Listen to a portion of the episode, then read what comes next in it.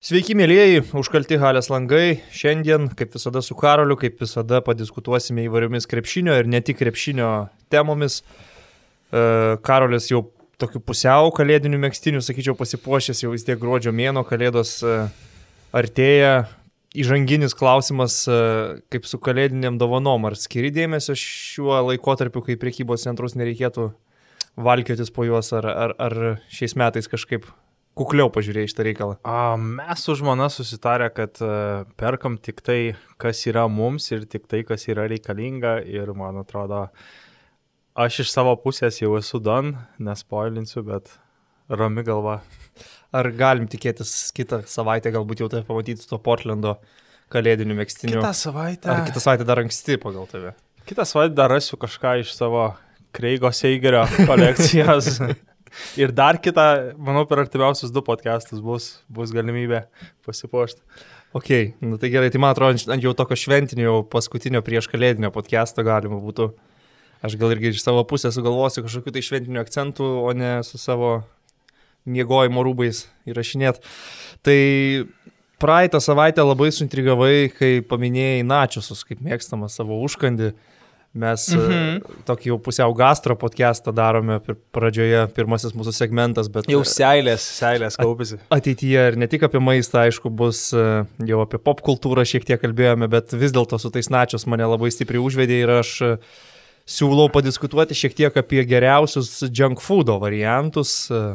Galbūt nebūtinai einant prie top 3, bet išskiriant pačiam geriausius skaniausius patiekalus ir nuo načios pradėkime tuomet diskusiją. Mano galva toks esminis klausimas, kuris gal net kažkiek gali nulemti ir mūsų podcast'o ateitį. Načios su kuo? A, aš esu pakankamai palaimintas, kaip sako amerikiečiai, kad uh, kad turiu tokią žmoną, kuri žiauriai skaniai gamina, aš padedu kuo galiu. Ir, ir o kuo ats... gali? tai galiu nuplaut gal agurką, gal galiu orkaitę įjungti, galiu gal vandens išvirti, o atsakant į, į načiusų klausimą, e, aš arba pasismulkinu arba paprašau, kad pasmulkintų avokadą, arba nusipirku jau susmulkintą avokadą ir su juo valgau, arba nusipirku kitą nadžią su padažą ir su juo valgau, arba uh, arba pasigaminau padažą mhm. ir, ir, ir su juo kapoju. Nors šiaip načiusus valgau pakankamai retai, bet tai nesunaikino fakto, kad iš juo žiauriai mėgstu. Bet tavo tam padažėt tas įdaras, jisai Jiem įeina mėsa ir sūris, ar, ar, ar čia kažkokie kitokie? Ne, aš dažniau vienus valgau, aš, aš orkaitai nesišildavau su sūriu, nors ir su jalapenais, nors nebejoju, kad tai yra skanu ir esu tai, tai bandęs, bet uh, tuo neužsiimu. Mm -hmm, nes va čia ir buvo mano tas esminis klausimas, nes mano supratimu načios pilnavertis užkandis gaunasi tik tai su malta jautiena, čederio sūriu O toliau jau ten pagal skonį, kam patinka guacamolė, kam nepatinka, kas grėtinis nori, kas ne. Aš tai pavyzdžiui saldžių tų mažų kukurūziukų mėgstu dar prisibarstyti mhm. ir ne, svogūną, dabar beje pradėjau vartoti tą didelį, saldesnį svogūną, kuris man gerokai pranoksta tuos standartinius mažus svogūnus ir plus pjaustant niekiek ne, nesikaupia ašaros. Tai dėl načios aš esu su tavim vienoj valty, kad tai yra puikus užkandis, bet pas mane konceptas galbūt šiek tiek kitaip atrodo, nes man malta jautina tai būtinas ingredientas. Tai Gerai. aš išvardinsiu gal savo. Davai, ša, šaukas. Trečioje vietoje palikdamas načiasus, čia aišku reiktų tada apsibrėžti, apsibrėž, kas yra fast junk foodas, bet uh, Man aš... atrodo, pilnai tinka visi tie meksikietiški patiekalai. Jo, jo, bet matai, tu nežinai, ką aš noriu pasakyti. Okay. Aš, aš imu tokį literalų apibrėžimą, jeigu tu kažką, kas žmogui yra nesveika, pasigamini greitai, tai yra fast junk foodas ir antroje vietoje kišu bomžpakį. Užsipili okay. karštą vandeniu kartą į mėnesį, aš suprantu, kad tai uh, nesveika yra, man atrodo, žmogaus širdžiai. Uh, ir, ir, ir ateityje tai gali e, atsiliepti, dėl to valgau tik kartą į mėnesį, dažniausiai sekmadieniais vėliau eidamas miegoti ir man tai yra. Kuris bomžpakis yra tavo favoritinis? Man atrodo, tas gal kur kainuoja šiam ar 7 centų ir yra aštrus. Bliuduko tokio? Ne, ne, be bliuduko. Kur laužyti reikia? Jo, jo, jo, bet Aha. aš tiesiog užpilu ir neuždengiu indelio. Tai irgi gal yra pakankamai svarbu. Aš dviejų indų nepurvinu, aš išpurvinu tik vieną ir, ir, ir pasidarau savo kartą į mėnesį, sekmadienį tokį desertą ir pirmoje vietoje man yra fish and chips. Britiškas, man atrodo, gal, gal patiekalas, bet Mm. esu va, bandęs įvairius variantus. Šiaip savaitgalį užsisakiau maisto Vilniuje, gavosi pakankamai ne, neblogas variantas ir priklauso ir nuo padažų, bet tvarkingai pagamintas, o ne tiesiog numestas tas žuvies gabalas. Ir nėra toks nesveikas, nes vis tiek žuvis yra žuvis. Nu, ir... tik fryintai. Jo, nu, bet tą nuėmus e, išorę, Aha. e, vidus vis tiek yra žuvis, yra pakankamai sveika ir, ir valgant su bulvytėmis ir keliais padažais, vienas iš kurių yra trinti žirneliai, pakankamai geras variantas okay. gaunasi. O tai namų sąlygom fish and chips esat bandę? ne, ne, ne, ne. Man atrodo per, per sunku, per, per, per klaidinga ir... ir... Nu, man apskritai atrodo daug vargo labai tuos deep fryintus dalykus namie, jos galima gamintis, bet atrodo labai labai daug vargo, žymiai paprasčiau paspaustos tris mygtukus per vieną iš maisto užsakymo programėlių ir, ir gaut, gaut tą patiekalą. Gerai, aš tada bandysiu savo trejetuką, tai pas mane načios gal net keliaus šiek tiek labiau į, į viršų, aš galėčiau netgi pridėti ir takos, ir buritos, man jie labai patinka, apskritai ta meksikieška virtuvė, ypač aštrus patiekalai, bet dėl įvairovės parinksiu šiek tiek kitų trečioje vietoje. Vištiena višnaitė. Kitaip dar vadinama 12. A12. kinų restoranų klasika. Niekada neimprovizuoju kinų restoranuose. Vištiena višnaitė ir kep, kiaušiniai, e, ryžiai su keptų kiaušinių ir daržovėmis. Klasikinis užsakymas, kurį bet kurioje kinų knaipėje, pasakysiu, net neatsivertęs meniu. Turiu pripažinti, kad e, kai lankiausi Kinijoje, ten tokios vištienos višnaitės niekas nevalgo, kokią mes valgom čia. Čiui. Ten ta jų vištienos vari, variacija yra nu, gerokai toli nuo mūsų šitų įprastų patiekalų A12 ir A5 ir tiesą sakant, man kinų maistas, ką ten patiekdavo ypač arenose, visiškai nepatiko, buvo, Jo, buvo tragedija, tai teko ten maitintis labiau franšizėse tokiuose kaip Pizza Hut ir, ir McDonald's. Bet Tam- čia yra gal tam- pakankamai dažnas variantas, kad, kad lietuviškai tas patiekalas kažkurios tautos tautinis visiškai priimamas kitaip ir nuvykus į ten uh, net net pažįsti to paties patiekalą, turbūt yra restoranų, kur ten galima rasti kokį nors ten plovas uzbekiškai ar ten plovas albaniškai.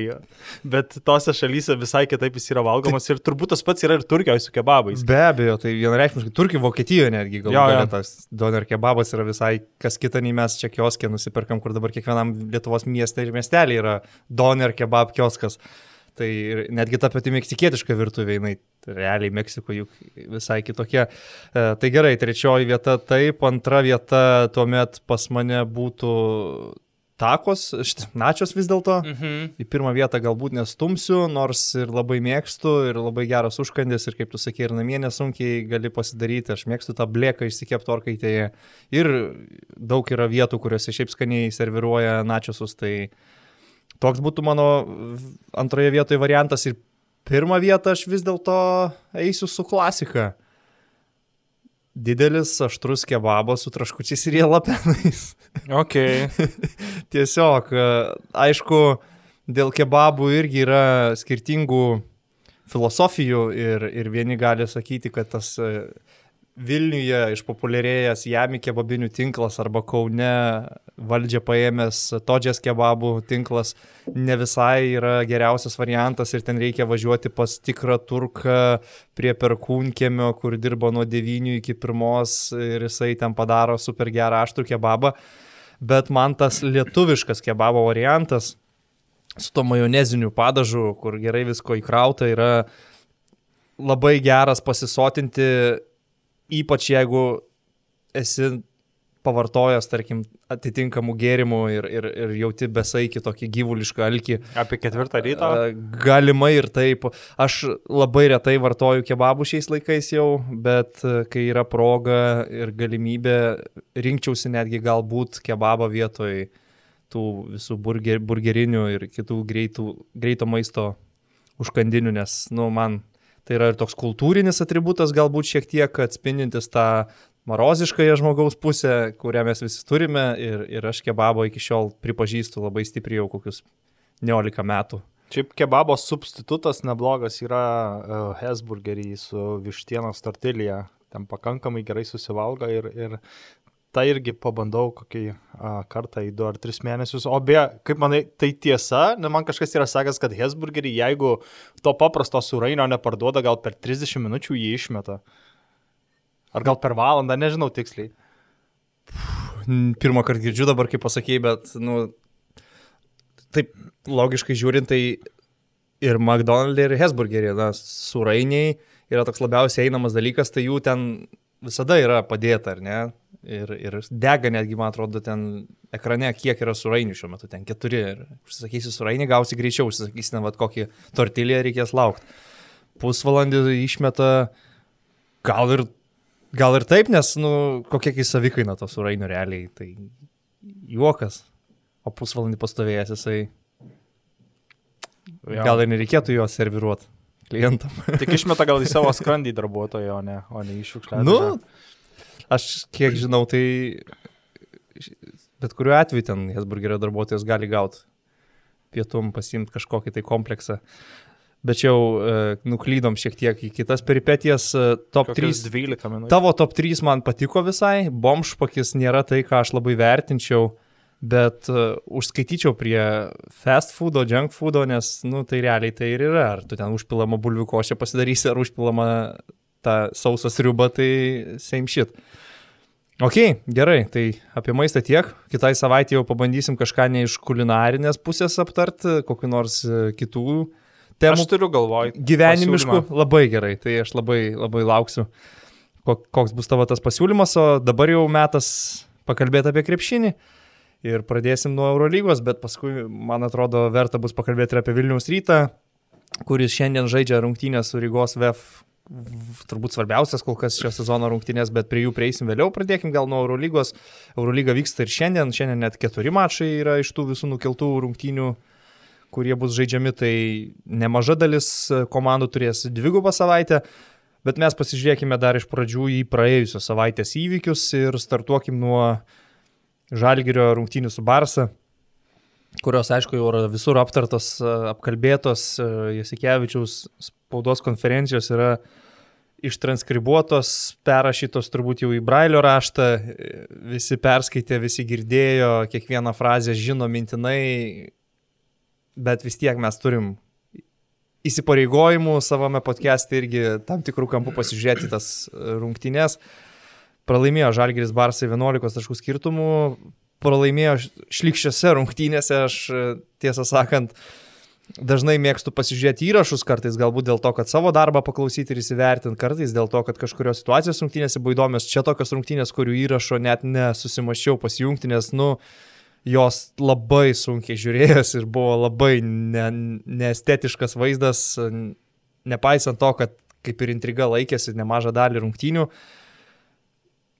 Keli skaičiai tiesiog. Barsa prado 24 kamolius, iš kurių 17 buvo žalgerio perimti kamoliai. Ir su šitais skaičiais žalgeris surinko tik 62 taškus. Ar tai buvo Barsas labai gera gynyba, ar tiesiog žalgerio nesugebėjimas pasinaudoti savo progomis? A, Žalgiris turbūt prieš rungtynės tikėjosi gal daugiau galimybių atakuoti iš toli. Per pirmus keturis kelnius išsimesta tik 11 tritaškų, man atrodė labai nedaug iš jų nebuvo taiklių metimų iki gal 33 rungtynių minutės.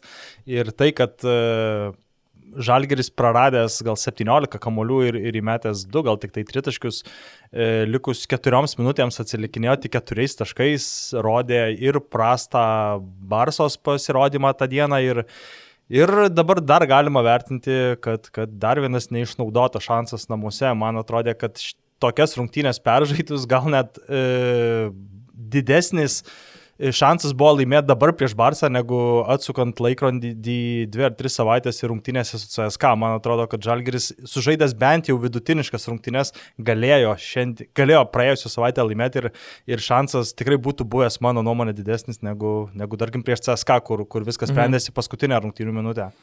Jo, man atrodo, už tas Barsos 24 klaidas Žalgeris ne- nelabai nubaudė varžovą. 17 perimtų kamuolių tai yra milžiniškas skaičius ir iš 17 perimtų kamuolių norėtųsi daugiau lengvų taškų ir, ir greitų atakų, bet labai daug buvo epizodų, ypač trečiajam kelnie, kai Žalgerio perimtas kamuolys po dviejų sekundžių yra prarandamas. Ir tampa jau Barsos perimtų kamolių. Barsas žaidė klaikiai, polime, aš nepabijočiau šito žodžio, tikrai atrodė klaikiai. Nikas Kalatis nors atliko 10 rezultatyvių perdimų rungtynių jau pabaigoje, bet ilgą laiko jo, tarkim, asistų ir, ir klaidų balansas buvo 5-6 klaidų naudai. Tai tie rezultatyvūs perdimai irgi nelabai ne atspindi, kaip jisai tą vakarą kontroliavo žaidimą Tomui Arteliui irgi ten nekažin kiek geriau sekėsi, galbūt Adamas Hanga vienu metu ten buvo perimęs tą komandos valdymą pozicinėse atakose, bet na iš esmės tai Barsa švaistė kamolius, kažkiek tai buvo ir Žalgirio gera gynyba, kažkiek tai man atrodė, kad jie patys ar blogai jaučiasi po dviejų pralaimėjimų, ar kas jiem yra, bet negalėjo niekaip polime pradėti žaisti normalaus krepšinio pagal savo ritmą, ko pasiekoje, aišku, tie kamolių prandant, retai pavykdavo juos įvesti, tarkim, ir Mirotičiui. Ir Mirotičius sužaidė statistiškai blogiausias savo rungtynės kol kas Eurolygoje, išlaikė Žalgeris jį su 9 taškais, su labai kukliu skaičiumi. Iš dalies tai buvo be abejo ir pačio Žalgerio gera gynyba.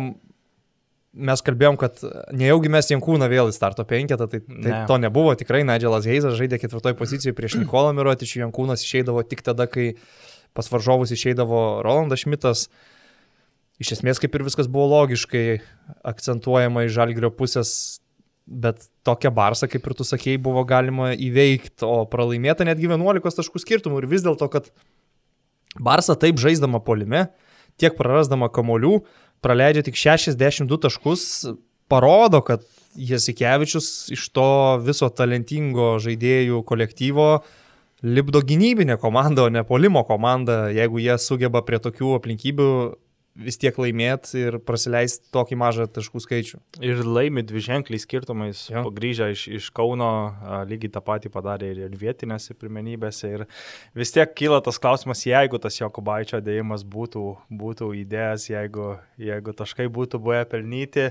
Aišku, iki rungtynių laiko pabaigos bent jau pagrindinio buvo likę virš 7 minučių, ten tas Kailo Kuričiaus tritiškis irgi uh, apylais vis išsimetė, bet jeigu tas metimas būtų buvęs netikslus, vis tiek, man atrodo, po tokio epizodo ir pati komanda galbūt kažkiek užsivedus ir, ir, ir turėtų galvoje, kad va dabar apsiginame ir galim persverti rezultatą. Ir nežinau, tu žiūrėjai Last Dance, čia truputį toks off topicas. Jo, be abejo. Ir man kažkaip prisiminė tas epizodas, man atrodo, gal prieš paskutiniai serijoje, kai... Uh, Paceriai žaidė septintas rungtynės su Chicago 98, man atrodo.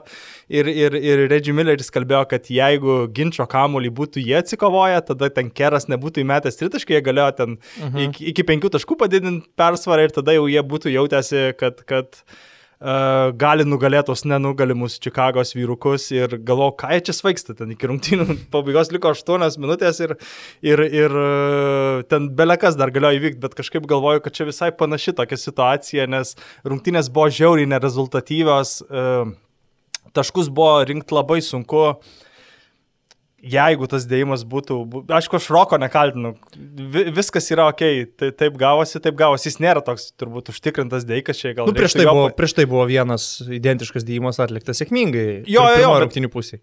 Bet dėjimas man toks skamba, kur, kur 99 procentai taškai, o ne, o ne ten kas antrą įdėdi, bet jeigu tas dėjimas būtų, būtų buvęs pelnytas, kažkaip jaučiu, kad, kad ir rungtynių intriga bent jau būtų išsilaikiusi ilgiau, o ne, o ne tada praleisti du tritaškai. Aišku, tada Žalgris sumažino iki keturių taškų, bet, bet vėl tos klaidos paskandino į rungtynių galą, bet tiesiog tokia ne, neišnaudota galimybė overall ir, ir, ir būtent tas epizodas man labiausiai įsiminė. Nu, matai, Millerio tame pasakojime dar yra viena tokia detalė, kad jisai akcentavo ten uh, atmosferą kad e, kažkurio momentu užsi, užsivedė arena ir, ir tada jam buvo labai sunku.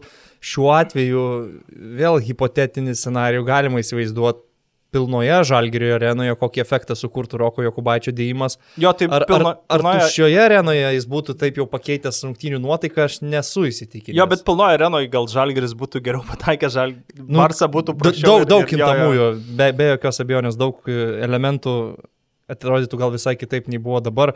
Dėl to dėjimo aš irgi norėjau jį paminėti, galbūt labiau iš tos pusės, kad na, Rokas Jokubaitis pats paskui po rungtinių kalbėdamas kažkiek save kaltino, sakė, kad labai apmaudu, nes vietoj to, kad sumažinti jiem taškais mes dar tris praleidom, bet aš norėčiau ateityje, kai Rokas pabėgs vėl vienas prieš krepšiką, jis toliau dėtų savo stiprią kairę ranką, nes jis tai gali padaryti ir tai, kad čia vieną kartą nepasisekė, aš nematau tame jokios tragedijos ir nenorėčiau, kad dabar jisai vien dėl šito epizodo visą laiką užbaiginėtų lėjapais. Nu, man atrodo, jog Badis yra pakankamai gerą galvą turintis vaikinas ir, ir e, nenustepčiau, jeigu po kažkurios treniruotės pasiliks pusvalandį ir tiesiog dėlios į kažį, kad, kad, kad, kad tokia nesąmonė nepasikartotų. Nu jo, man atrodo, kad per treniruotę jam niekada ir nepasikartoja, bet čia kažkaip pat išbėgo vienas prieš krepšį. Bet okei, okay, aš, aš visą laiką esu už, kad žaidėjas kuo efektingiau užbaiginėtų ataką ir kažkada vis tiek grįž žiūrovai į arenas, tai juo labiau norisi tokių epizodų, kurie labai užveda komandą ir na, Jasikevičius pats vis karto ir prieš rungtynės, ir po rungtynių paminėjo, kad jiems, tai yra Barcelonai, uh, gerai, kad nebuvo fanų, nes būtų buvo žymiai sunkiau. Ten Šaras, tarkim, graudinosi žiūrėdamas į Kubą video apie save, tai jeigu būtų visas pasitikimas, e, emocijos, klausimas net ir tokį super profesionalų trenerį gali paveikti kažkiek, kad e, bent jau rungtynių pradžioje bus sunku reaguoti ir priimti sprendimus. Mm, tai va, tai tiek apie tą galbūt Šaro sugrįžimą. Spaudos konferencijos jau ten neanalizuosim, ne, neaptarinėsim, bet man patiko, kad garsiai pasakė tą faktą, jog jisai dirba futbolo klube ir tokio dėmesio ten jisai niekada negauna. Ir gyvena futbolo šalyje. Jo, tai visiškai. Nors šiaip Ispanija turbūt yra geriausia sporto šalis visam pasaulyje. Jie yra elite tiek krepšinį, tiek futbole, tiek tenise, tiek ten dar gal rankinį, tiek vyrų, tiek moterų visose sporto šakose. E, tiek gal koks nors ten vandensvidis net yra populiarus Ispanijoje. Tai panašiai gal yra kaip ir, kaip ir Serbija. E, dvi žiaurinės uh, futbolo ir, ir, ir likusio viso sporto valstybės?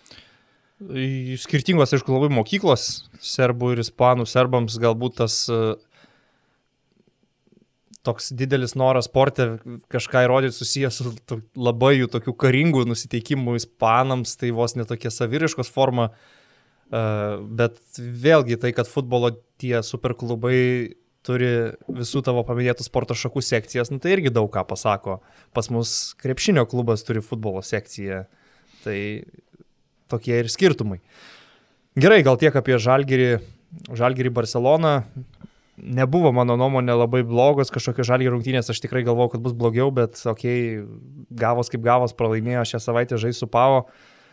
Pakalbėkim galbūt šiek tiek apie tas artėjančias rungtynės Žalgiris Pantnaikos man atrodo Panaikos įmamos varžovas. Nežiūrint į tai, kad jie nugalėjo Milaną, žiūrėjau tas rungtynės, irgi jas kažkiek aptarsim, bet dabar jau grinai, kalbant apie žalgerį reikalus. Panatinaikos komanda, kuri nei polime, nei gynybo nėra man niekuo ypatinga, absoliučiai. Man iki šiol nėra aišku, kokia tiksliai tos komandos vizija, kokia tiksliai yra pagrindinė idėja, ką jie nori žaisti, kaip jie nori pult savo varžovą, kažkur jie turi galbūt ir gerų žaidėjų, ten Nemanė Nedovičius, nors ir nelabai stabilus, bet gerą vakarą gali žaisti elitiniam lygyje, ten Papajanis, didelis centras, kuris varžovams pridaro problemų, kartais sužaidžia mitoglų, Papapetrų turbūt jų yra toks ryškiausias ir stabiliausias žaidėjas, kuris, man atrodo, turėtų žaisti geresniai komandai nei, nei Panatinaiko šiuo metu. Nu, bet iš esmės man Žalgis nei pagal sudėtinį atrodo blogiau, nei pagal turnyro lentelę nerandu argumentų, kodėl Pau turėtų būti, tarkim, favoritas prieš Žalgirį. Tai šansai turbūt, turbūt lygiai, gal ten bookmakeriai vienu ar dviem taškais kažkuria komanda išskirs kaip favoritus ar ten rungtynėms, bet nu, šansai tikrai yra iš esmės lygus, nebūtinai bus įtempta kova, nebūtinai viskas tęsis iki galo, nes viena komanda gali vis tiek geriau sužaisti, geriau pataikyti savo visą rungtyninį planą, geriau įvykdyti, bet Tikrai Pantinagos yra įmumas, man irgi tokia komanda, jau esam kalbėję daug maž yra apie nieką, ypač šiais metais, nors tai yra legendinis, istorinis Europos klubas, bet iš, iš ryškesnių žaidėjų, man atrodo, toks vis tiek Nedovičius yra kaip, kaip galintis draskyti gynybą, galintis daugiausia provokuoti pražangų, susimestas būdas, e, nebijantis imtis iniciatyvos gale rungtynių, tas pats buvo ir rungtynėse su Milanu, nors Čiačio ir nežaidė, bet, bet visi kiti e, Milano žaidėjai žaidė ir, ir, ir Milanas turėjo pranašumą visas rungtynės, pirmavo kokias 37 turbūt minutės, bet e, Nedovičius verždamasis provokavo pražangas, mėtė alejupus papajaniui, e, nebijo net ir prie minus gal dviejų gale rungtynių paleista tritaškį iš 8 metrų, matosi, kad praėjo Stefo Curry į mokyklą NBA su... Nu, jo, jo, buvo Warriors. Jo, jo, bet man atrodo... Metus tik tai buvo, ne? Ar, gal pusantrų, man atrodo, bet aš abejoju, ir žiedą, pavyzdžiui, gavo. Kuzmičius gavo. Kuzmičius gavo, bet Nedovičius ne, ne. Bet Kuzmičius ten žis turėjo kosminį sezoną, nes jis per gal per mėnesį gavo ir G lygos žiedą, žaisdamas e, G lygoje ir to pačiu ir MBA. Čia truputį toks off topicas, bet e, atsakant į tavo klausimą, kuris neatsimenu, jau buvo užduotas, tai Pantinakasas tikrai įmamas. Panašiai ir buvo klausimas ir panašiai abu turbūt mastom šitoje vietoje. Panatinaikoso Milano rungtynės, kurias žiūrėjau, tai tiesą sakant, po dviejų kelinių man tai atrodė kaip tiesiog... E, Blowoutas? Nu, Jorgo Vovoro atsisveikinimo rungtynės. Treneris vis tiek yra ant ganėtinai karštos kėdės, galbūt ten dabar jau labiau karšta yra mytyšiuose pas Himki, bet, bet e, Panatinaikos irgi situacija ne per geriausia ir po dviejų kelnių jie pralaimi Milanui berots 12 taškų skirtumų, pralaimi ganėtinai beviltiškai, atrodydami ypač puolime ir Tuo metu man nesimatė jokių prošvaiščių, kad antroji rungtinių pusėje viskas taiga ims ir pasikeis, bet iš dalies paskui susidarė įspūdis, kad ir Milanas kažkodėl nustojo žaisti, e, dėl eini su Panteriu galbūt varžovai kažkiek pradėjo, atsiprašau, aktyviau dengti su kamoliu, nebeleido jiem taip laisvai jaustis, jie po ilgosios pertraukos žymiai mažiau rinko taškus, bet ir Pavo pataikė metimus, tarkim, toks Šelvinas Mekas, kur vėlgi atrodo vienas iš daugelio random legionierių, kuriuos Panatinaikos per sezoną pasirašo, jie ten keičiasi, keičiasi, keičiasi. Antroji pusė pademonstravo, kad jisai, na, vis tik gali žaisti. Tai yra žmogus turėjęs šiokių tokių sezonų NBA lygoje, kažkuriam sezonė ten gal net po 12 taškų rinkdavo. Ir padarė žaidimą jis, padarė žaidimą Nedovičius, Papa Petru ketvirtam kelnyje jau įmetė tokį labai klač tritaškį, kuris būtent persveria rezultatą ir vat kažkaip tai su tokiu charakteriu Panatinaikos iki galo neaišku, ką tiksliai žaisdami ir kaip tiksliai atakuoja Milaną, vis tiek išlindo ir laimėjo rungtynės, kur, nu, man atrodo, Etorė Mesina turėtų būti piktokas po tokio pra... paleisto mačo ir paleisto, sakykime, pergalės, bet Pavo treneriui, Vovorui, tai manau, ta pergalė kaip, kaip nežinau, gaivaus oro gurkšnis. Pitino nieko netvitino. Ne, nemačiau šį kartą. Bet jeigu jau po pralaimėjimų tvirtina, kad įspūdingai žaidžia Panatinaikos, tai po pergalės turėtų iš vis ten su atkimštų šampano buteliu gal paustint nuotraukas. Tai, nu, va, toks įspūdis keistas šiek tiek man apie tas rungtynės. Beje, Jorgis Papajanis yra 2,21 m centras iš tavarešo falo kategorijos. Panatinaiko su juo gynyboje pilnai keičiasi ginamaisiais, kas man yra iki šiol kosmosas. Jisai keičiasi ir kyla perimetrį ir pasilieka ten, tarkim, prieš panterį ar, ar kurį nors kitą varžovų žaidėją. Tai žaidžiant su Žalgiriu, aš įsivaizduoju, labai gali būti tokių situacijų, kai, tarkim, lieka Grigonis prieš Papajanį ir aš manau, kad ir jisai kojomis dirba kaip savo ūgio ir mobilumo centrui neblogai, bet tokiamis situacijomis būtinai reikia naudotis e, žmogui, kuris turi kamolį ir Grigonį šitoje vietoje, aš galvoju, pajėgus baust varžovus.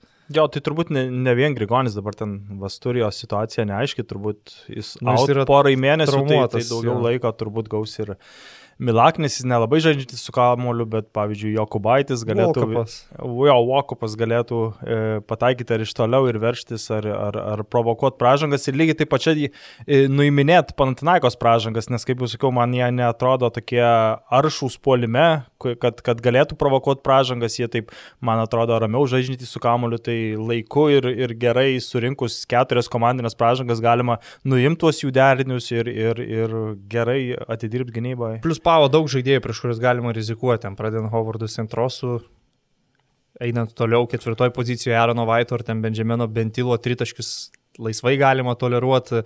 Jie neturi ne vieno, mano akim, tokio tikro išreikšto sniperio, kaip Žalgiriui ten darė problemas Holinsas iš Zenito, Kūričius iš Barcelonos. Pavo tokių sniperių neturi, jie viena prašiau tritaškius metančių komandų ir tikrai uh, labai daug yra žmonių, nuo kurių galima trauktis, ar ten iš užtvaros lys per apačią prieš, prieš Hovardą Centrosą. Galbūt tik tai Nedovičius, kai jis yra karštas, yra žaidėjas, kurį labiau taip reikia gaudyti ir akcentuoti prie tritaškio linijos. Ten Šelvinas Mekas, Markusas Fosteris, abu tie amerikiečiai, jie kažkaip, ka, kažkiek gali pataikyti, bet... Nu, Mekas šį sezoną a, 62 procentais. Bet meta, jis kol kas labai daug- mažai nedaug žaidė. rungtynių žaidė, tai, bet jis man toks labiausiai įsiminęs ir iš NBA, kaip, kaip gal catch and shooteris e, Nedovičius labiau žaidžiantis ir, ir galintis iš esmės bet ką padaryti atagos metu ir nusimesti. Ir, ir išmesti tai nebūtinai bus logiškas metimas, bet, Mhm. mhm. bet, bet jis, jis atrodo man kaip komandos lyderis, o labiausiai iš, išreikštas metikas, sakyčiau, kad, kad yra Mekas. Nu, Nedovičių daugiausiai vis tiek tų situacijų ruošiama ir, ir ten jisai išvedinėjamas metimam tais visais stageriais, pindaunais. Nors nėra man jisai grinas sniperis, jis daugiau žaidėjas su kamoliu rankose, bet... Bet, jis save gal laiko sniper. Nu, jisai save akivaizdžiai laiko elitinių gynėjų, bet okei, okay, jo skaičiai geri, nieko ten labai neprisikabinsi. Panaikos jam yra labai tinkama komanda dabar rodyti save. Aš fantasy pardaviau jį gal po keturių turų, tai... Labai blogai pradėjo sezoną, tai man atrodo daug kas pardavė tuo metu, nes ir kaina krito. Ir aš irgi buvau, man atrodo, tarp tų, kur pradėjo su Nedovičium, bet kažkurio metu nustojo tikėti. Įdomu tai, kad su Milanu žaidžiant, tai Mesina netgi pats prieš rungtynės tai akcentavo, kad atvažiuoja Šelvinas Mekas, Aaronas Vaitas, Nemanė, Nedovičius, trys žaidėjai, kurie Milane nepritapo praėjusią sezoną, retorija Mesinai netiko. Ir jie, kaip sakė pats italas, jie tikrai labai norės parodyti man ir mūsų klubui, kad mes suklydom. Iš dalies galbūt ir parodė, nes sužaidė ir Nedovičius geras rungtynės, ir Aaronas Vaitas neblogai pasirodė, ir Šelvinas Mekas antroji rungtynių pusėje suspurdėjo. Ok, tai tiek apie Milano Olimpiją, Milano Olimpiją Panatinaikose. Zenitas pralaimėjo Fenerbakčiai. Kiek tau tai yra, pavyzdžiui, netikėta? Taip, Fenerbakčia ir yra tokia komanda, kuri uh, gali įveikti stipresnius varžovus išvyko. Iš vis šiais metais Eurolygoje bet kas gali įveikti iš, iš pirmo žvilgsnio silpnesnius varžovus, ką ten Alba išdarinėjo su pergalėm prieš, uh, prieš CSK išvyko, dabar ten Valencija. 30 taškų įgūdžių. Jo, 35 minutės iš esmės triuškino Asvelis, uh, vos nenugalėjo, išvyko į Realo irgi ten pirmaudamas 35 minutės. Tai uh, aš tikrai tikėjausi Zenito pergalės, jie atrodė kaip, kaip komanda, kuri dabar yra ant geros bangos, tikrai jau nekartą minėta, tai jų sudėtis giliai ir, ir, ir priklausomai nuo varžovų galima skirti minutės skirtingiams žaidėjams, bet uh, trečiam keliniui Atrodė, kad Zenitas grįžta į rungtynės, Pangos susėmėsi ant savęs iniciatyvos, sunkius tritaškius per rankas pataikė. Jie buvo persverę, ne? Jo, buvau persverę, nors Feneris pirmavo vienu metu gal 15 taškų, man atrodo.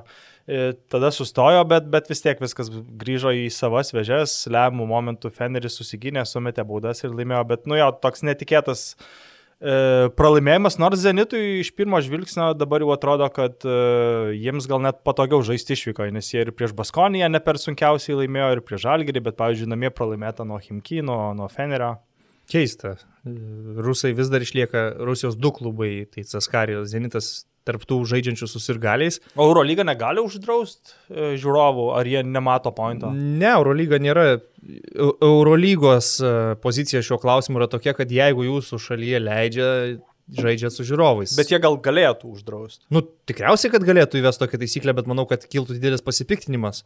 Eurolyga vis dėlto, kaip yra prieimami sprendimai Eurolygoje, tai klubai patys ir balsuoja už, už, už, už tuos sprendimus. Ir jeigu dauguma klubų balsuoja už kažką, tai tas ir yra patvirtinama. Tai tada nėra tikslo klubams nebalsuoti už tai, nes šiaip ar taip visi žaidžia be žiūrovų išskyrus rusus. Tai... Jo, bet tu negali žinot, kuriuo metu, tarkim, tavo šalyje jau leis e, žmonėm rinktis į tokius renginius kažkokiu tai procentų. Tai manau, kad visi yra suinteresuoti žaisti su fanais. Šiuo metu rusai yra tie drąsiausi, kurie tai daro, kiti laukia geresnių laikų. Jo, bet akivaizdu, kad tie fanai Zenitui tai nepadeda. Nu, nelabai. Nu, galų gale ir fanai Zenito turbūt nėra tie labai garsėjantys savo triukšmingų palaikymų ir įspūdinga atmosfera, o varžovų komandoms irgi atvykusiams vis tiek kažkiek smagiau žaisti, kad ir kokie ten tie fanai, bet šiokioj tokioj atmosferoje. Nu, vad palyginimui UEFA yra paskelbta tiesiog, kad jeigu jūsų šalyje leidžia žiūrovus į stadionus, tai 30 procentų stadiono galite užsipildyti. Ne, nepriklausomai to, kad leistų tavo šalyje 100 procentų užpildyti, bet UEFA turnyruose leidžia 30 procentų. Nu tiesiog, Eurolygoje tokios pozicijos nėra, bet Eurolyga dirba, kaip sakyt, akcinė bendrovė. Yra 18 akcininkų, kurie priema sprendimus, o Žordė Bertomeu yra tiesiog paskirtas tų akcininkų vadovas. grįžtant prie krepšinio ir, prie sužaistų rungtinių praeitą savaitę, tai mane labai nustebino Nadolo Efeso beviltiškas pralaimėjimas namie Baskonijai. 59 taškus surinko Nadolų rungtynėse, kuriuose žaidė ir Šeinas Larkinas, ir Vasilija Micičius, ir Kurnoslavas Simonas. Galbūt Larkinas iš tikrųjų atrodė nuvargęs, ypač antroje rungtynių pusėje ir jau per daug buvo jam to krūvė. Mes kalbėjomės įdomu, ar Turkijos lygos rungtynėse savaitės vidury žais ar nežais, tai žaidė, nors ir netiek daug, bet žaidė vis tiek. Tai jam buvo ketvirtos rungtynės per penkias paras. Net mhm. mažiau negu per penkias paras, per maždaug 118 valandų. Plus kelionių. Jo, plus reikėjo iš Juotkalnyjos parskristi į Stambulą vis čarteriu, bet, bet still. Ir tada po dviejų dienų pertraukos dar sužaist. Ten tai, tai gavosi, kiek čia, šešios rungtynės per septynias dienas, ar penkios rungtynės per maždaug šimtą kem valandų. Tai kosminis krūvis. Keistas buvo tas sprendimas netaupyti jo Turkijos lygos čempionate. Mm. Buvo aišku, kad su Baskonija Larkino tikrai reikia, viskas ok, bet kad, než... kad jisai žaidęs Turkijos lygoje, tai mane nustebino.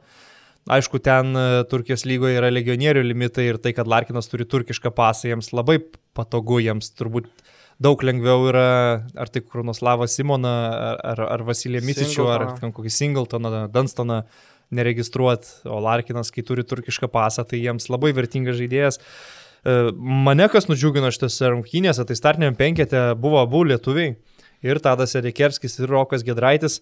Na, iš Roko Gedraičio mes jau daug maž žinom, ką gauname Eurolygo ir žinom, ką jis gali, bet Tados Sedekerskio žaidimas e, man labai patiko, jisai darė daug tų tokių mažų dalykų, kurie yra labai svarbus. Tai jis tai daro visą sezoną. Ir gynyba, ir, ir pavyzdžiui, geri sprendimai nusimetant kamolius, jisai nelabai, gal ir Duško Ivanovičius nelabai jam leidžia mes tritaškius, jisai kartais apylaisis gauna kamolį prie tritaškio linijos, bet nemeta, užuot metęs įsiveržė į baudos aikštelę ir ieško perdavimo. Ir tas jam labai gerai sekėsi, atliko rezultatyvių perdavimų, sukūrė progų komandos draugam, tokie geri, protingi sprendimai, plus gynyba ir turbūt auginasi Baskonija savo grinai tokį užduočių įvykdytoją žaidėją, kuris gali žaisti ten vos ne nuo antros iki ketvirtos pozicijos, gali gerai gintis, bet nebus elitinis polime. Greičiausiai toks yra jų požiūris į Tadą Selikerskį. Gal kažko į Kaliničių panašus?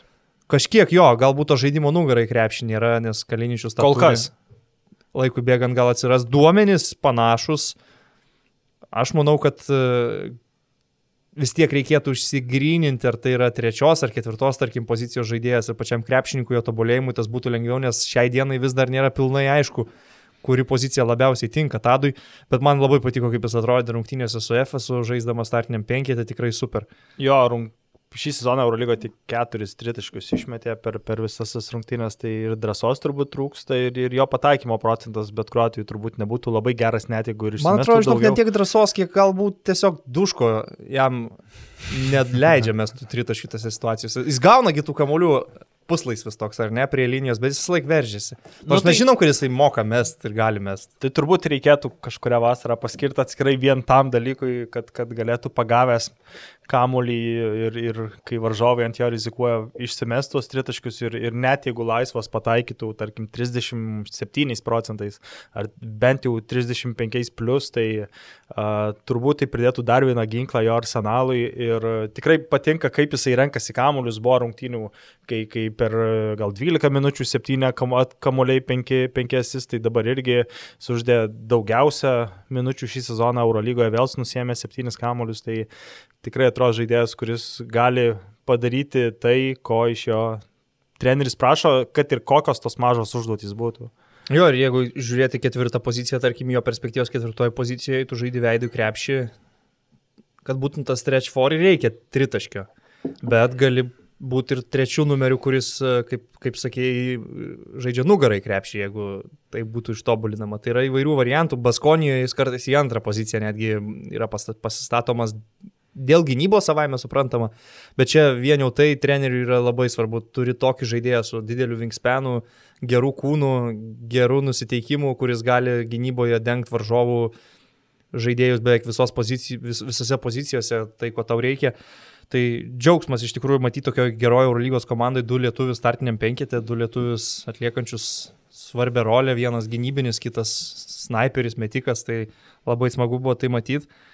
Na ir užbaigiant galbūt tą praėjusią Eurolygos savaitę, kaip visada desertui, pasilieku savo mylimiausios komandos rubriką.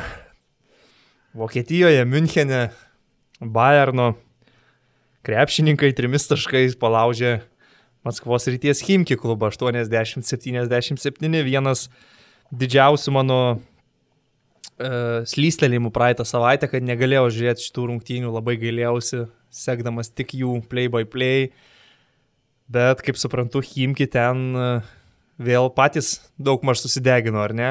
Jo, aš irgi ne, ne, ne viską mačiau, bet labiausiai įsiminė pirmas, tai yra paskutinis, paskutinis Himki derinys, kai tu paėmė timeoutą, kad nubražytum paskutiniam deriniui išsimesti trajeką prie minus 3 ir trajeką išsimeta Gregas Monro tavo centras. Tai tokius dalykus aš esu matęs tik tai Brazio žalgyryje, kai prie minus 3 Brazys paima timeoutą ir trajeką išsimeta Grigorijus Hyžnekas.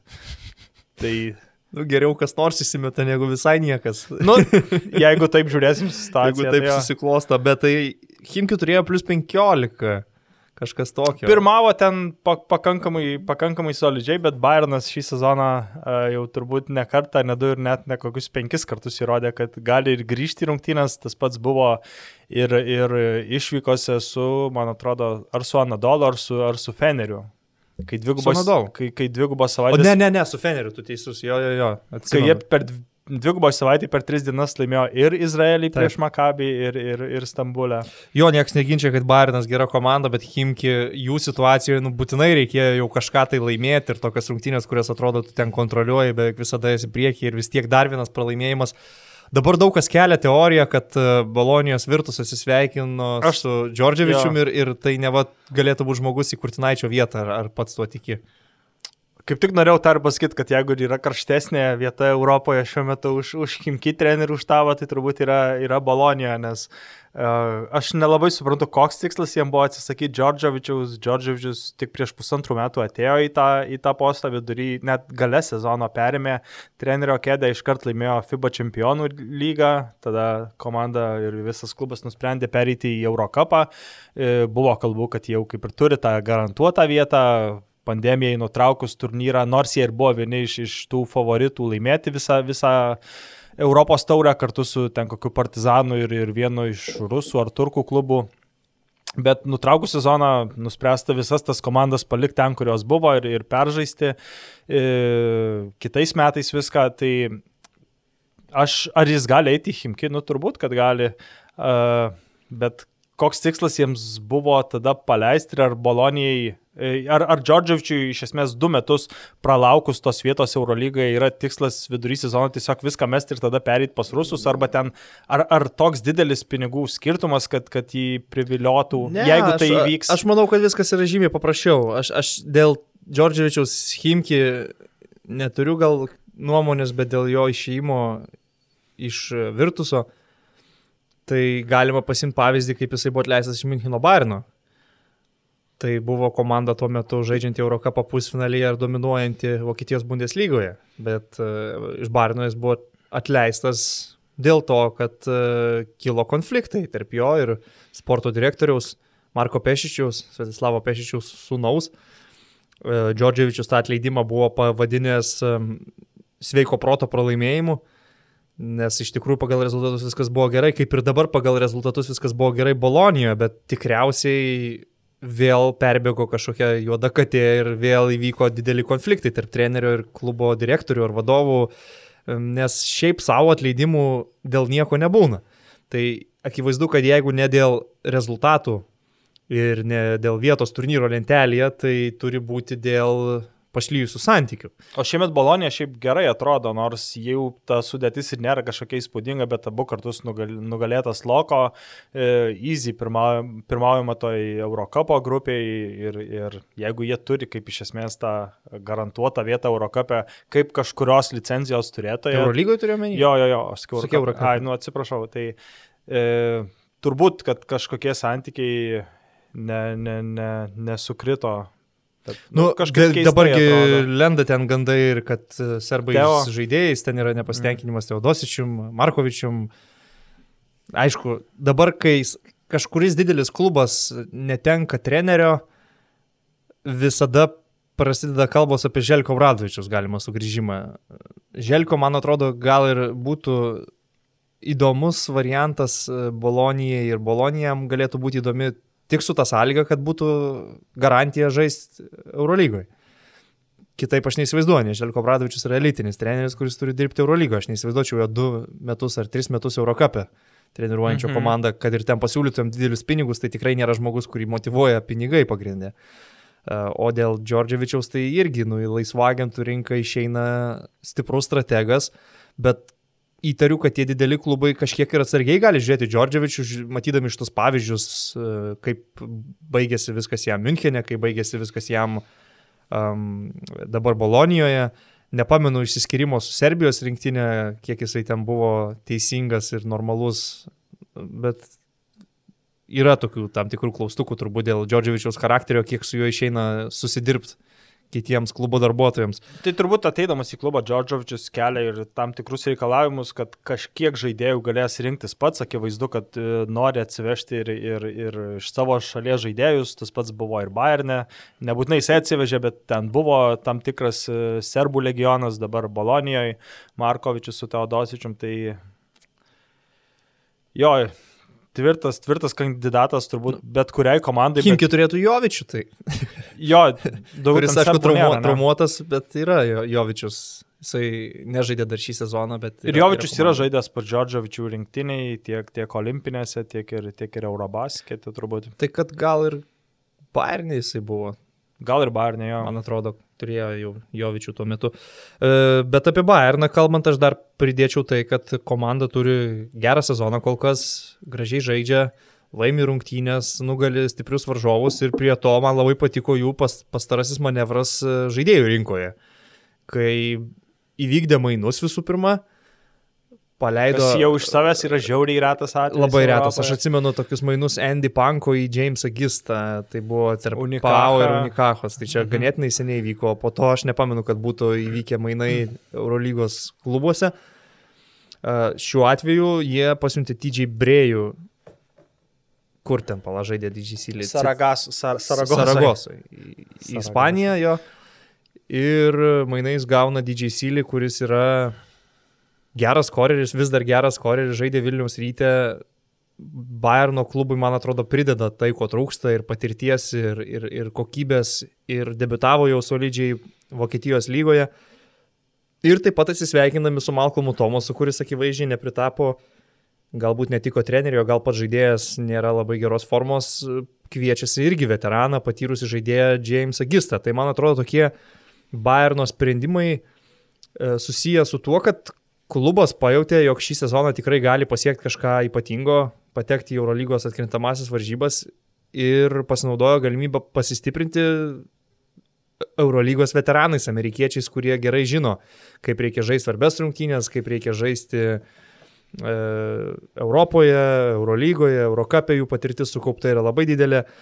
Tai tikrai man patinka, kai organizacija priema tokius sprendimus, nors atrodytų, kad viskas gerai, kam čia dar keista sudėti, bet jie ieško variantų, kaip dar galima ją pastiprinti. Turbūt ieškoma ir toliau, mes ten tų visų gandų nežinom, bet gal, gal, gal bus ir daugiau pastiprinimų, jeigu bus, tarkim, užsitikrinta vieta top 8, tai gal bent jau iki sezono pabaigos, jeigu kažkoks stiprus žaidėjas bus rinkoje, bus, bus pastiprinta, o paskutiniai mainai, kuriuos aš atsimenu, nors tai ir nėra Eurolygoje, bet rytas su Lietuvos Dzukija sustumdė šachmatus keisdami lapetą į, į, į Julių Juciką. Ir lapeta buvo įmamas, kad uždengtų Vujuką LKL finale. Nu, ir nors... uždengė. uždengė. Kamata finale uždengė. Jo, jo, bet LKL net nepateko į finalą, bet iš tokių mainų galima prisiminti tokį įėjimą. Jo, buvo, buvo. Tada apskritai, kai Tomas Pačiasas atėjo, jisai iškart ėmėsi ten revoliucijų ir Arturas Jomantas buvo paimtas iš Šiaulių ir Šiauliam atiduotas, Šiauliam atiduotas Rokas Gedraitis nuomos pagrindu. Ir tada buvo suformuotas mano mėgstamiausias visų laikų įžaidėjų tandemas, e, kurį aš praminiau. Denisas Lukašovas. Dendriku Lukašaunu praminiau Kendriko Brauno ir Deniso Lukašovo įžaidėjų grandį. Ten buvo laikai iš tikrųjų jo mainai. Dabar tai šiaip nesuvokiamai skamba, kad uh, Artūrą Jomantą įima iš Šiaulių ir Šiauliams duoda Roką Gedraitį. Tiesa, tiesa. Gerai. Nu, Jomantas, ką, ką, ką turi, tą turi. Ir, ir ar jam ten 28 metai, ar, ar, ar 38. Uh, didelio skirtumo tarp jo ten tokios kokybės aš, aš nematau, jis kaip tik man atrodo uh, sendamas gal pradėjo kažkiek bent geriau pataikyti iš toliau, jis dzukijoje kartais žaidžia net ir penktų numerių, buvo net ir rungtynių man atrodo su žalgiriu, kur ten visai neblogai atrodė jis aikštėje. Ir uh, jeigu dabar reiktų spėti, tai gali būti, kad, kad jo man tas taps ar ten rezultatyviausių visų laikų LKL žaidėjų, jeigu traumos nesumašys, nes man jis atrodo toks žaidėjas, kur uh, ką jis daugiau veiks gyvenime.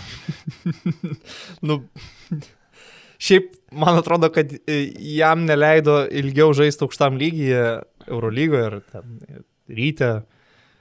Krepšinio tie patys pokyčiai, kad jis kaip trečios pozicijos žaidėjas tapo tokiu nelabai tinkamu, kaip ketvirtos pozicijos irgi per daug ribotas, nei jisai praplečia polimą, nei jisai gerai ten jau stumdosi baudos aikštelėje ir laikui bėgant tapo tokių žaidėjų, nu, praktiškai be pozicijos, kai jisai ten savo geriausiais laikais, kai Eurolygos savaitės MVP pasiemė, būdavo trečias... Nu... Kau MVP.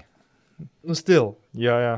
Trečias numeris, kuris kūrė žaidimą, kuris žaidžia su kamoliu rankose, dalina rezultatyvius perdimus, to pasiekoje uh, tame skandalingame Eurobaskete Lenkijoje net ir Ramūnas Butautas Artūrų Jomantui tokių žaidėjo funkcijų prikrovė. Bet laikui bėgant, nu, labai keitės tas krepšinis ir pozicijų supratimas ir reikalavimai atitinkamose pozicijose. Ir, nu, Artūras Jomantas atrodo toks žaidėjas, kuris nelabai pataikė į laik, laikmetį ir, ir priverstas yra jau ilgokai žaisti tiesiog LKL silpnesnėse ar vidutinėse komandose. Uh, Na gerai, nu mes čia taip pat ir apie pačias, ir apie Jomantą, ir apie Juciką, ir apie Lapetą, bet vis dėlto dar liekam Eurolygos temoje ir pažiūrėkime į šios savaitės įvykius. Šiandien ketverios rungtynės bus žaidžiamos, vienos iš tikrųjų labai anksti, Himki Milano Olimpija 17.30. Fulio komentuoja šiandien? Fulė ir tai rytą. Spėsi gal susileisti ne, Himčianų porą kelinių? Nelabai, žinok, nes važiuosiu komentuoti rytą, tai ko gero. Iš arenos? Kad... Ne, ne, ne iš arenos. Ne, mes dirbam iš studijos saugumo sumetimais. Tiesiog man du iš eilės bus taip, mačai baigsis rytas iškart futbolo čempionų lyga. Tai Himki galbūt kažkiek pirmą rungtinių pusę pavyks pažiūrėti. Tai tokių va, ankstyvų laikų 17.30, paskui yra Nadolų Asvelis jau 19.30, 8 val. Barso Olimpijakos, 20 val. Valencija Zenitas. Zenitas. Tai Valencija Zenitas atrodo tokias įdomiausias rungtynės e, pagal komandų kokybę demonstruojama ir pagal intrigą, kurios galima tikėtis, ar ne? Jo, man abi komandos šį sezoną patinka, abiem, abiem tikiu. Uh, tai Deja, bet šiandien yra net ir man futbolo vakaras ir, ir bandysiu e, simulcastą pasileisti, kur rodo, o kodėl šito nėra Lietuvos televizijos, tiesiog per, nėra poreikio? Mes nelabai gal ir turim teisės. Ne, arba jo, ne. Į, į simulcastą mes tiesiog turim pasirinkti rungtynės, kurias rodysim ir jų rodom nemažai per 2TV3 sport kanalus ir per TV6 Bet čia gan akivaizdu, kad šiandien reikia žiūrėti Leipzigą Manchester United, nes yra didžiausios vertės rungtynės. O kaip manai toks simulcastas priliptų Eurolygai? Mm. Aišku, tie highlightai ten nėra tiek svarbus, kiek futbole ir tarkim, jeigu pakarpytų, tarkim, dviejų, trijų minučių, nepakarpytų, bet tiesiog perjunginėtų per, per skirtingas rungtynės. Man asmeniškai tai ne. Aš esu toks tradicinio požiūrio žmogus šiuo, šiuo atveju ir aš jeigu žiūriu rungtynės, aš noriu žiūrėti rungtynės. Man net nelabai patinka, kai, tarkim, žiūrėti vienas rungtynės per televizorių ir antras dar pasistačius per kompiuterį. Man jau tas nelabai patinka. Aš, aš mėgstu, mėgstu susikoncentruoti į vieną mačą. Kurį, dažnai pakimbu ant šito kabliuko ir, ir bandydamas pažiūrėti, kuo, kuo daugiau vienu metu nepamatau iš esmės nieko. Nu va, reikia, reikia tai ir tas simulkestas, nežinau. Aš galvoju, kad šiais laikais įvairių variantų yra pasitelkus devaisus, visas priemonės, sekt maksimalų kiekį rungtynių vienu metu ir ar tokio simulkesto reikėtų, aš nemanau, kad poreikis būtų didelis, su futbolu yra šiek tiek kitaip, nes įvartis yra jo, jo, jo. labai reikšmingas. Arba pavojinga proga. Arba labai pavojinga proga, ar ten paskirtas baudinys.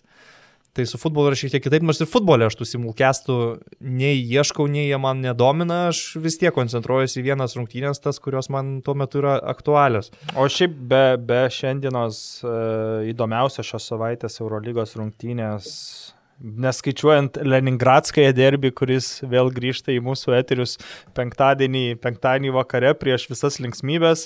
Čia turiu menį Himki CSK. Jo, jo, jo.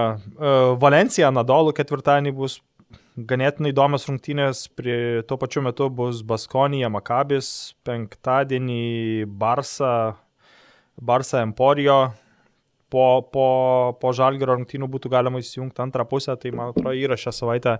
E, ne visada Eurolygoje būna įdomių rungtynių, net ir iš, iš devynių pasirinkimų būna blogas arba blogesnis, bet nu, panašu, kad šią savaitę bus ką pažiūrėti. Jo, gera savaitė, gera savaitė tikrai ir netgi šiandien, sakau, tos pačios Milano Himki rungtynės, jos turi didelę intrigą ir uh, labai svarbios yra Himki komandai ir Milanui po to netikėto pralaimėjimo Panatnaikos ir tai, ką paminėjai ketvirtadienį, penktadienį, skamba labai gerai, toks tikras desertas, kad ir, kad ir Barsa Milanas užsibaigimui savaitės penktadienį vakare, tai džiugu, kad turim tiek daug Eurolygos. Ir aš dar pasakysiu tai, ko galbūt ankstesniuose podcastuose neminėjau.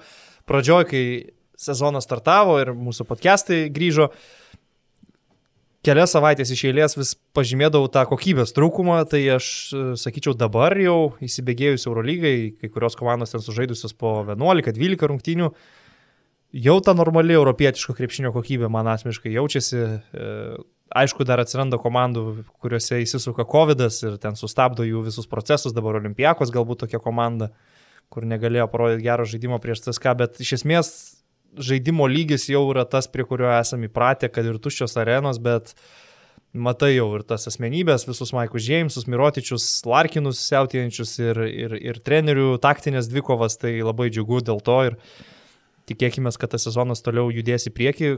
Kol kas atrodo viskas labai neblogai pandemijos toje akivaizdoje ir jau nukeltas rungtynės pradėjo sužaist, sužaist atstatyti tą, tą balansą kalendoriuje kol kas viskas tikrai gerai juda. Ir jau kokius tris turus turbūt buvo tvarkingai sužaidžiamas visas devynių rungtynių turas, jeigu neklystu. Turbūt, kad tai pas, pa, pastaroji komanda, kurios rungtynės Barsa, nevyko, tai man Olimpiakosas, nes turėjo savo problemų dėl COVID. -o. Ok, tai tiek apie Eurolygą. Vilniaus rytas. Prie, prieiname prie Vilniaus ryto. Lietuviškasis Himki. Nu, kažkuria prasme, kažkuria prasme gal, taip bet, kaip sakant, operuojantis žymiai kuklesniais finansais ir, ir visai kit, kitai, e, kitoj rinkoje žaidžiantis.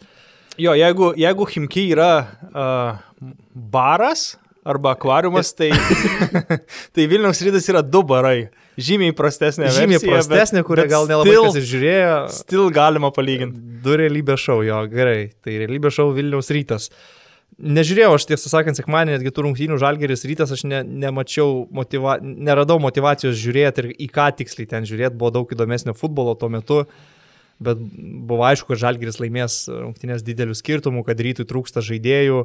E, iš pradžių tavo nuomonė, ar turėjo būti svarstomas klausimas nukelti tas rungtynės, nes man atrodo kažkaip keista, komanda turi traumų, bet nuo kada traumos yra priežastis nukelt rungtynės. Šiaip vienintelis e, objektas, kuris galėtų būti, atsiprašau, subjektas, kuris turėjo galbūt būti suinteresuotas tų rungtynių nukelimu, buvo nebent pati lyga.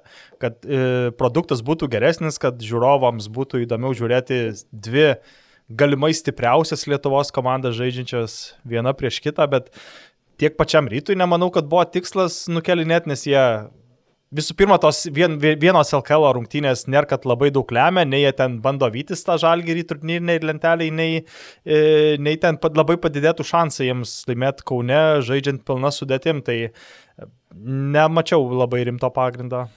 Nukelti. Aišku, jiems svarbiausios sezono rungtynės yra šiandien su Rygos Vefu, tai tas mačas su Žalgiriu iš tikrųjų jis nebuvo tokios didelės reikšmės, kad ir kiek ten būtų piešiama apie principinį grandų mūšį, derbi, manau, kad reikia šitos dalykus pastumti į šalį.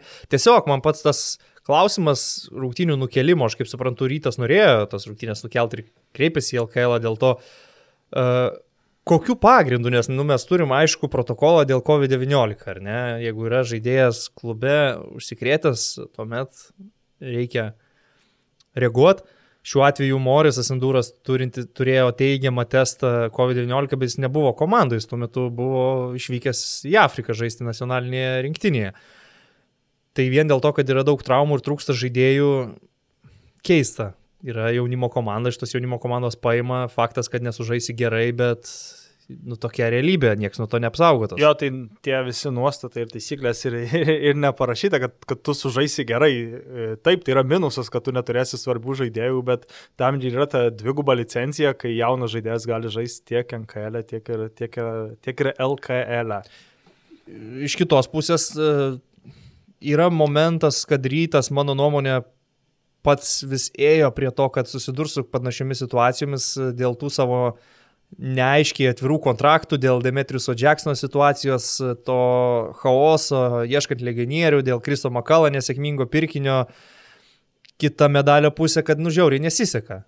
Roko Guščio rimta trauma, Arno Butkevičiaus trauma, Andrew Gaudlokas irgi susitraumavo, Ryanas Bautritas vis dar žaisti negali, Morisų Indūrų irgi nutiko situacija, kurios tu negali valdyti, jis išvyko į nacionalinę rinktinę, COVID-19 teigiamas testas strigo uh, Afrikoje negali parskristi namo. Ruandoje. Ruandoje, Ruandoje vyko tos rungtynės. Nu, tiesiog yra dalykų, kur klubas negalėjo kontroliuoti ir kur žiauriai nepasisekė, bet yra tas momentas, kad e, lapkričio mėnesį kalbėjom, kad na, rytas dar vis nesusikomplektavęs, dar vis ieško naujų žaidėjų, kažkurie netinka išeina, kažkuris nepatenkintas išeina. Dabar irgi galvojame apie kažkokį tai pastiprinimą, bet gali būti taip, kad pralaimėsi Rygos VEFų ir tavo vos ne sezono pagrindinis tikslas jau nuplaukęs. Ir tada jau reiks mąstyti, ar geriau pataupyti pinigus ir su esama sudėtim bandyti patekti ant aploštų teną iš, man atrodo, poros rungtynių penktus metus išėlės ir patekti bent jau į KMT tą finalo ketvirtą. Ir tada į LKL finalą ar, ar bandyti stiprint sudėti ir tiesiog didint šansus, nes pagal dabartinę situaciją, matant, kad, kad Rygos Vefas šiandien yra ryškus favoritas, bent jau pagal bookmakerius. Uh, bookmaker... Nu, žaidžia gerai. Žiūrėkime į tą pačią čempionų lygą. Jo, jie stebina savo rezultatais, vos pralaimėjo Strasbūrų ir tada išvyko į nugalėjo Peristerių, kuris visiškai nesunkiai Vilniui laimėjo. Ne, nežiūrint į tai, kad ten skina pergalės Latvijos Estijos čempionate, ten jie ir yra geriausia, turtingiausia komanda, bet tikrai FIBO čempionų lygoje VFas žaidė solidžias dviejas rungtynės ir e, jeigu rytas šiandien namie pralaimėtų Rygos krepšikams, tai jau komplikuojasi smarkiai patekimas į kitą etapą, jis net, net, netampa neįmanomas, jis vis dar būtų pasiekiamas, reikėtų jau tą patį VFą tada plašinėti be abejo Rygoje greičiausiai ir Atenų peristerį guldyti išvykoje ir, ir Strasbūrą dar pasiminėti namie. Klausimas, kokie žaidėjai bus tiesiog ryto komandoje po dviejų savaičių ar po mėnesio, nieko negali žinoti dabar su šita komanda, ar jie kažko pasistiprins, ar Ryanas Bautraidas, kada jisai pradės žaisti ir kaip jisai atrodys. Morisas Indūras, kaip suprantam, šiandien vos neties iš lėktuvo gali eiti į aikštę, ant kiek trūksta žmonių ir pajėgumų Vilniečiam šiuo metu.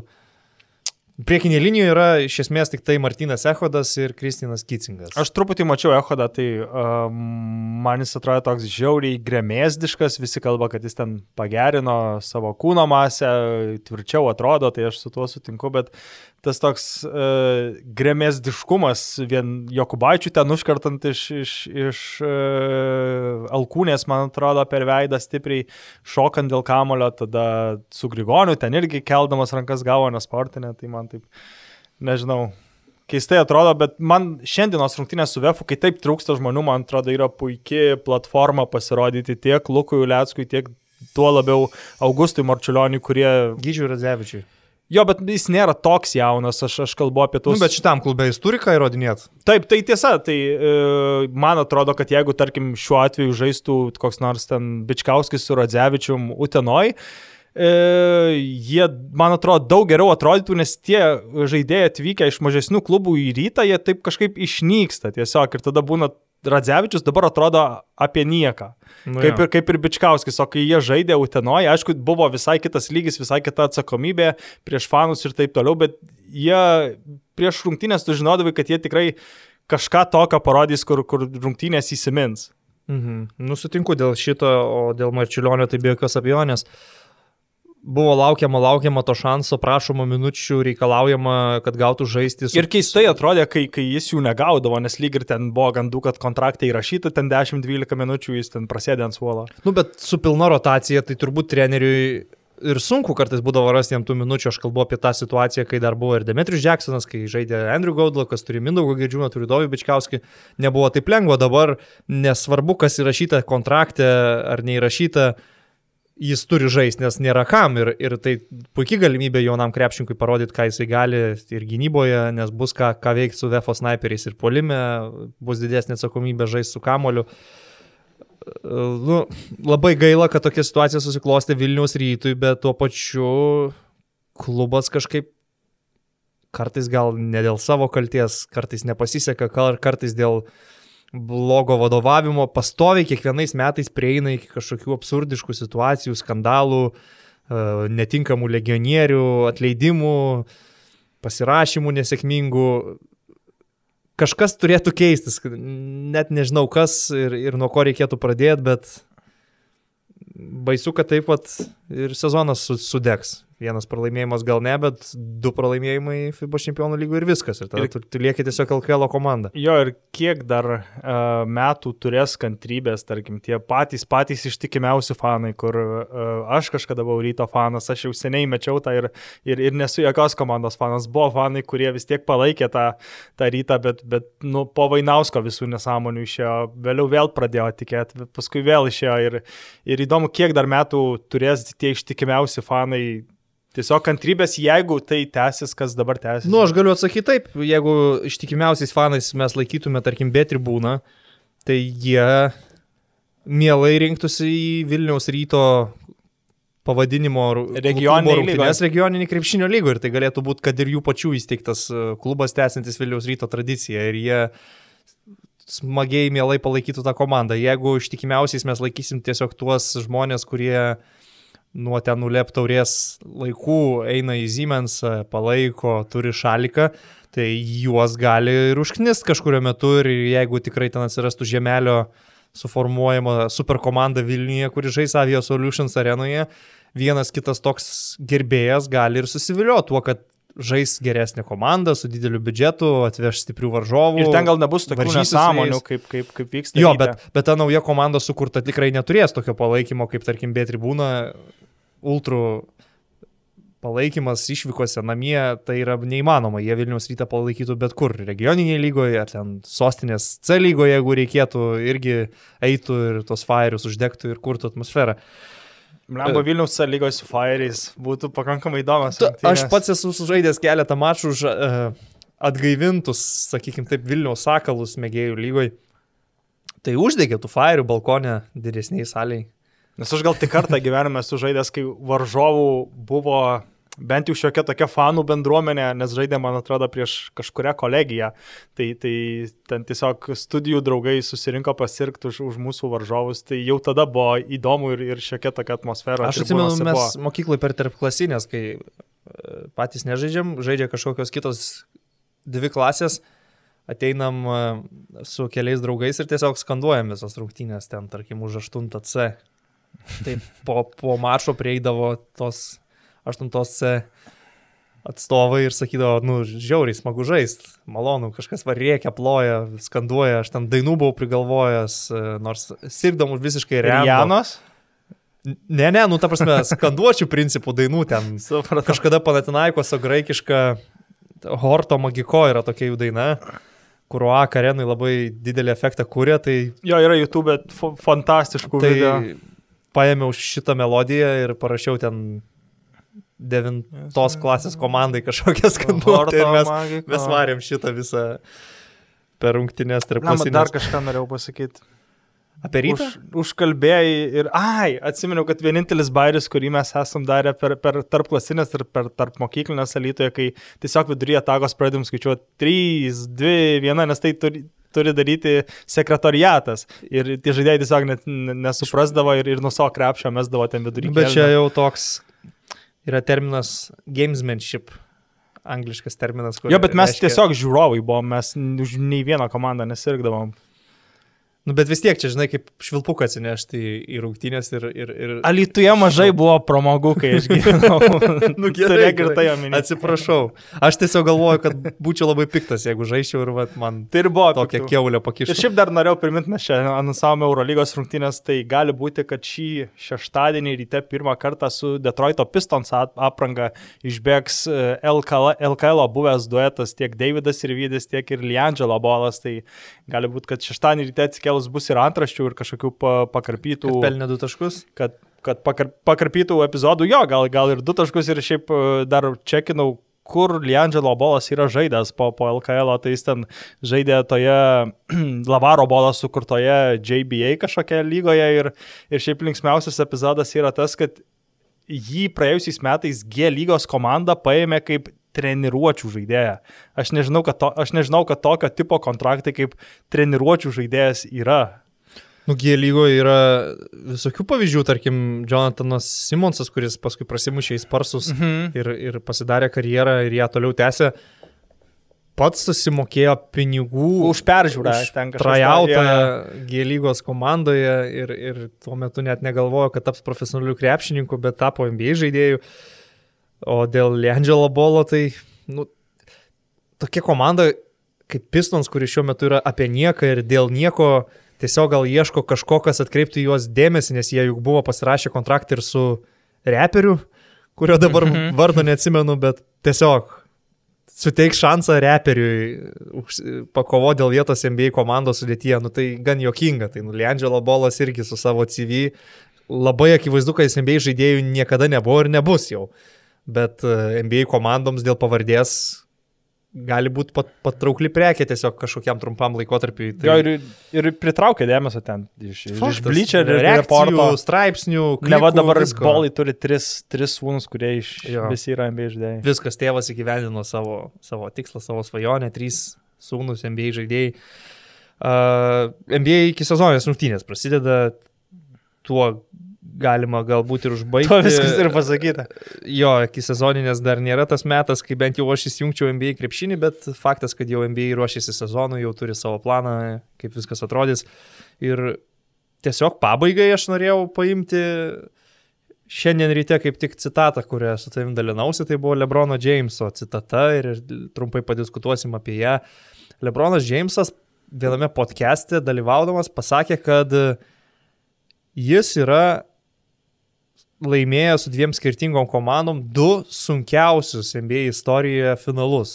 Turėdamas, e, galbūt taip, ne finalus, o du sunkiausius Titulus. Titulus, taip, NBA istorijoje. Turėdamas omeny titulą, kurį iškovojo su Clevelandu ir dabar e, žiedus iškovotus su Lakers Orlando burbulė. Kaip tau šis teiginys, ar tu pritartum, kad čia yra du sunkiausi titulai per visą NBA lygos istoriją? Tai aš jau kaip ir sakiau, man įdomu, iš kur jis nuhekino mano algoritmus, Lebronas, ir, Kad apskaičiavo. ir apskaičiuoja dalykus, kurių neįmanoma apskaičiuoti. Jis teigia, čia yra faktas.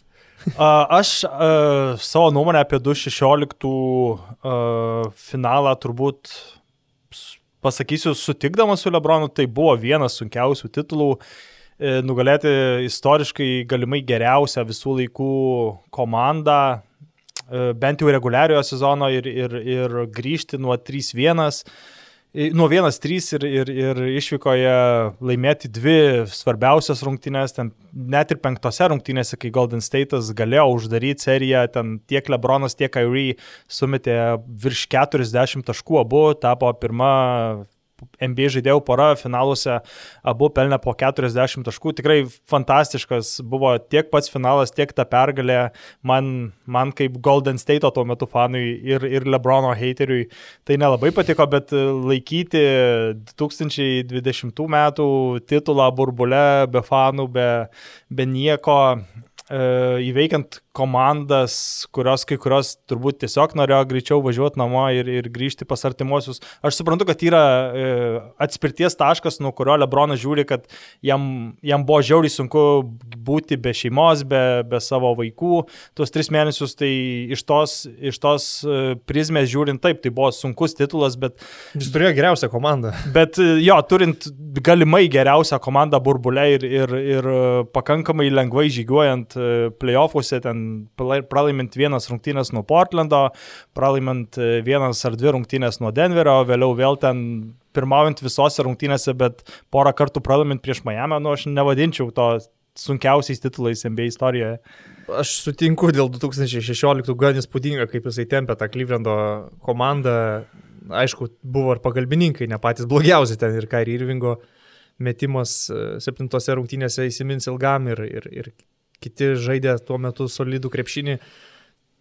Bet dėl to burbulo, kad tai būtų kažkoks tai ypatingas titulas, kurį NBA istorija. Tai, tai yra ypatingas titulas, bet nu, nebūtinai ten dėl stiprumo. Nu, jis ypatingas tuo, kad unikalus, beprecedentis e, atvejis, bet kad jį NBA istorinėme kontekste reikėtų vertinti labiau nei, tarkim, Dallaso Mavericks iškovota titulą, pereita visą sunkų playoffų kelią, kai jie nebuvo favoritai nei prieš Oklahoma, nei prieš Lakers, nei prieš Miami, jo labiau pačiam finale. Jo, jie nebuvo, man atrodo, jie buvo tik pirmoji serijoje favoritai su Portlandu ir tai ten buvo 2-2, tada laimėjo, tada nebuvo favoritai, bet 4-0 nušlavė Lakerius, Lakerius, o paskui Oklahoma, Oklahoma ir... ir... Ir finalas, kuriame jie buvo atsiliekanti komanda. Atsilikinėjo 1-0 ir antrose rungtynėse turėjo minus 15 ketvirtam kelinį. Tai ten vienas didžiausių comebackų iš tikrųjų per NBA finalų istoriją, kalbant apie vienas konkrečias rungtynės ir, ir ketvirtą kėlinį, ką tuo metu padarė Dirkas su, su Jasonu Terry ir, ir kitais. Tai man šitas, tarkim, Mavericks žiedas palikęs didžiausią įspūdį iš visų finalų ir playoffų, kuriuos stebiu maždaug nuo 2003. Ir tą Lebrono titulą laikyti tokiu ypatingai svarbiu ir dideliu istoriniam kontekste vien dėl to, kad čia buvo burbulas, man atrodo tiesiog neteisinga. Burbulas buvo visiems, visoms komandoms. Lebronas turėjo geriausią komandą su Anthony Davisu. Jo, jis turėjo... Nėra taip, kad iš Enderdogus ištempė į titulą žaisdamas be šeimos, aplinkoje, kur vien krepšinis. Ką... Jis burbulė galimai turėjo savo komandoje du iš top trijų burbulė žaidusių žaidėjų.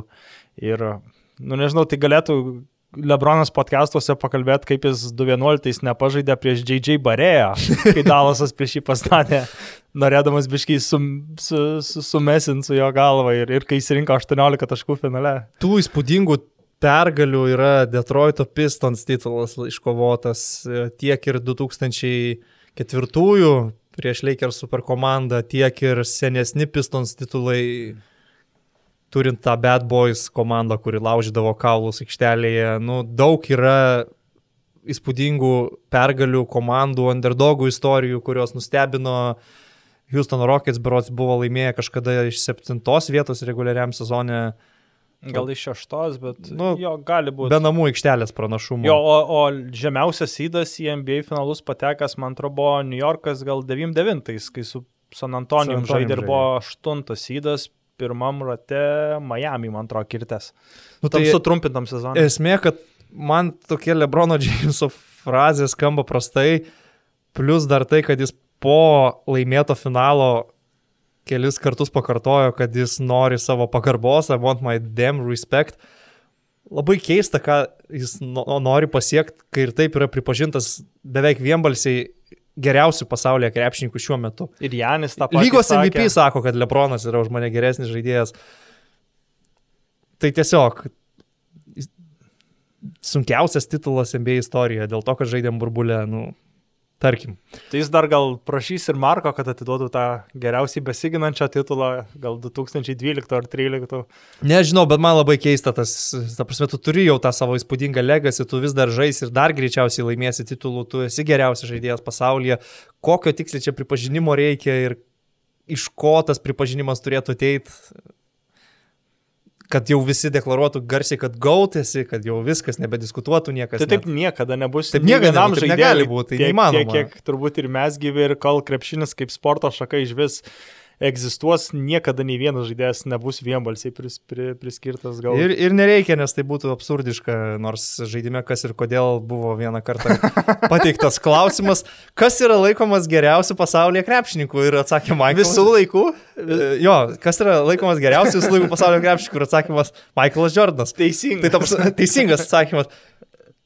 Kas čia per klausimas? Čia nėra faktinis klausimas. Kieno laikomas visų pirma? Gerai, jeigu ten, tarkim, bent jau parašytum kas yra ten ESPN išrinktas balsavimo būdu Nu, geriausias. Nu, tiesiog, faktinis klausimas. Šalia to ten, kiek truko antras pasaulinis karas, kitas klausimas, kas yra laikomas geriausiu pasaulio krepšininku. Tiesiog. Tai va, tuo gal ir užbaigsim šį kartą savo podcastą. Su jumis buvo už, užkalti Harės langai, daug visko aptarėm nuo Načios ir bomž paketų iki Eurolygos Vilniaus ryto ir Lebrono Jameso. Ačiū visiems, kad klausėt. Tradiciškai palikit komentarų, pasakykit, kas patiko, kas nepatiko. Mes perskaitom, pareaguojam ir visada laukiam jūsų feedbacko. Atsisveikinam iki kitos savaitės. Iki.